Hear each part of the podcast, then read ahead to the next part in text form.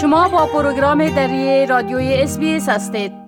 شنونده های عزیز از 27 ماه جون تا سوم ماه جولای هفته آگاهی درباره امراض و عوارض قلبی برگزار میشه.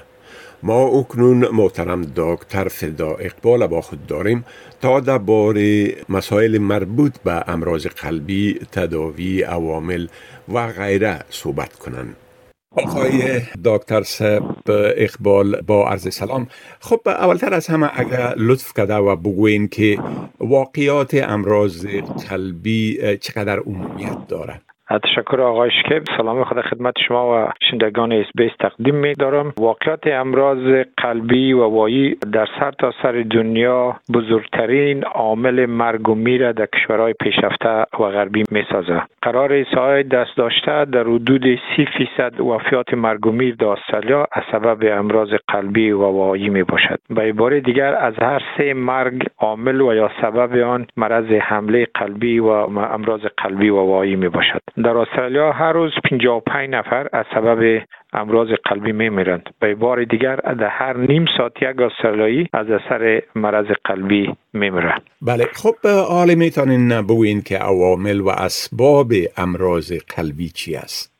اکثر حملات و امراض قلبی واهی از سبب مزدود شدن یا بسته شدن و تنگ شدن رگای قلبی که به نام شیریان های قلبی یاد میشه به وجود آمده. که در اثر این تنگ شدن و مصوص شدن ایرگ ها به عضله قلب خون نرسیده عضله مربوطه میموره و سبب حمله قلبی می‌شد باب مهم امراض قلبی شامل بلند بودن فشار خون بلند بودن کلسترول یا چربی خون می باشد قرار دست داشته سی فیصد نفوس استرالیا مصاب فشار بلند خون و همچنین سی فیصد نفوسش مصاب بلند بودن چربی یا کلسترول خون می باشد. مرض شکر وزن زیاد کشیدن سیگرت و خوردن زیاد الکل عدم فعالیت های فیزیکی و باید گفت که قرار سایه در دست داشته 40 فیصد نفوس استرالیا هیچ فعالیت فیزیکی ندارند و یا که بسیار کم فعالیت فیزیکی می داشته باشند. همچنان باید گفت که امراض قلبی نزد کسایی که در فامیلشان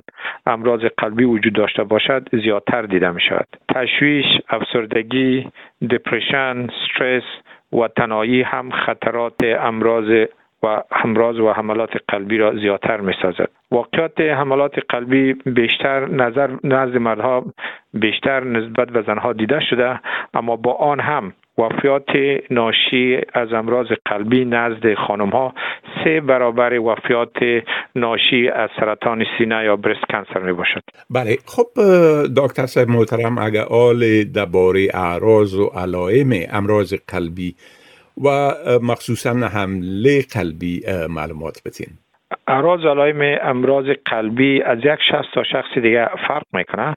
معمولی ترین یا مهمترین عرض عمله قلبی درد قفس سینه یا چستمین می باشه. این درد به شکل فشار و یا پرشر یا درد سنگین بوده اکثر مسابین حمله قلبی. فکر می‌کنن که کسی بالای قفس سینه شان نشسته و گلوشان فشار میته بعضا دردها به شکل دلجوسی و, و یا درد میده هم تبارز کردن می‌تونه. این دردها به طرف بعضا به طرف شانه ها بازو گردن گلو و پشت بین دو بلک شانه هم انتشار می‌کند. نزد مریض عرق سرد نفس تنگی حالت بیحالی دلبدی و استفراغ پیدا میشه. باید گفت که نزد مریضان مرض شکر بعضا حمله قلبی بدون درد هم به وجود آمده که به صورت تصادفی در زمان جی و معاینات مخصوص قلبی پیدا میشه که یک شخص در سابقه خود عمل قلبی را تیر کرده. بله خب حالا اگر لطفا درباره وقایه از امراض قلبی و به خصوص حمله قلبی معلومات بتین تشکر آقای که سوال بسیار خوب است. قسمی که همین ما شما می‌فهمیم که وقایه بهتر و ارزانتر از تداوی است. اکثر امراض قلبی و وایی و حمله قلبی قابل وقایه می باشد که شامل تداوی فشار خون بلند تداوی کلسترول بلند خون تداوی مرض شکر ازدیاد فعالیت فیزیکی و باختن وزن ترک کردن سیگرت و گرفتن منظم دواهای توصیه شده توسط دکتر فامیلی و متخصصین رول عمده را در وقایع امراض قلبی و وایی بازی می‌کند. بله حالا اگر لطفا بگوین دکتر صاحب محترم که حمله قلبی و امراض قلبی در مجموع چطور تداوی شده می‌تونه؟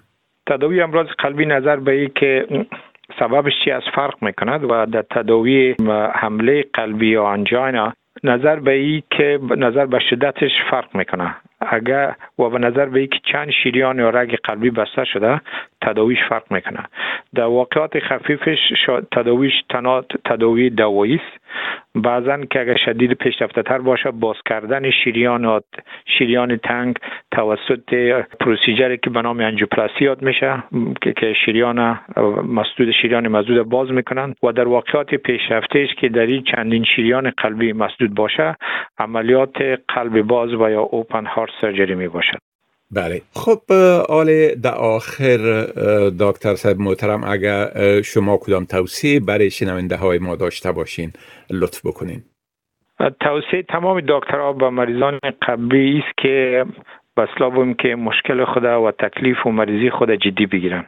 چیزهایی که بسیار باسنی می‌تونن خودشان در دست خودشان است و خودشان می‌تونن که او را کنترل کنن که از او جمله باختن وزن تداوی فشار بلند خون تداوی زیاد کلسترول فعالیت های فیزیکی نکشیدن سیگرت و منظم گرفتن دواهایی که برشان توصیه شده.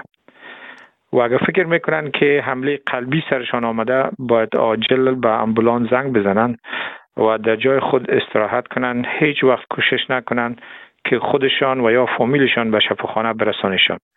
از خاطر که 20 فیصد واقعات حمله قلبی پیش از رسیدن به شفاخانه فوت می‌کنن بازم تکرار می‌کنم که باید به صورت عاجل به امبولانس زنگ بزنن بگن که فکر می‌کنم حمله قلبی دارم یا بگن I think I have a heart attack.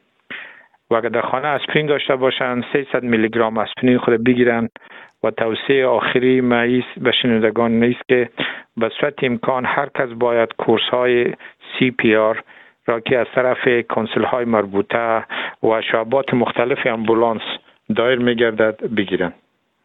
بله. خب محترم دکتر فدا اقبال از این معلومات بسیار مفیدتان درباره امراض قلبی از شما صمیمانه تشکر می کنم و برتان موفقیت می خواهیم و پیش از که برم خدافزی کنیم یک چیزی که باز باز بگیم که زمستان از فصل flu و انفلوئنزا است. شنونده‌های گرامی ما که مرض شکر دارن تکلیف قلبی دارن فشارشان بلند است وزنشان زیاد است برن flu vaccine خود از دکتر فامیلی خود بگیرن طرف به صورت مجانی از شش ماه تا شروع میشه. حتی طفلای خودی که از شش ماه به بعد flu vaccine برشان free داده میشه. که بسیار موضوع مهم است مخصوصا که مثال که یک فکر می‌کنن که فصل بسیار شدیدی فلو در پیشوی داریم. بله. خب بسیار تشکر باز هم و فعلا شما را به خدا می سپارم. روزتان خوش. تشکر. خدا حافظ شما و خدا حافظ شنندگان گرامی. می خواهید این گناه گزارش ها را بیشتر بشنوید؟ با این گزارشات از طریق اپل پادکاست، گوگل پادکاست، سپاتیفای و یا هر جایی که پادکاستتان را می گیرید گوش دهید.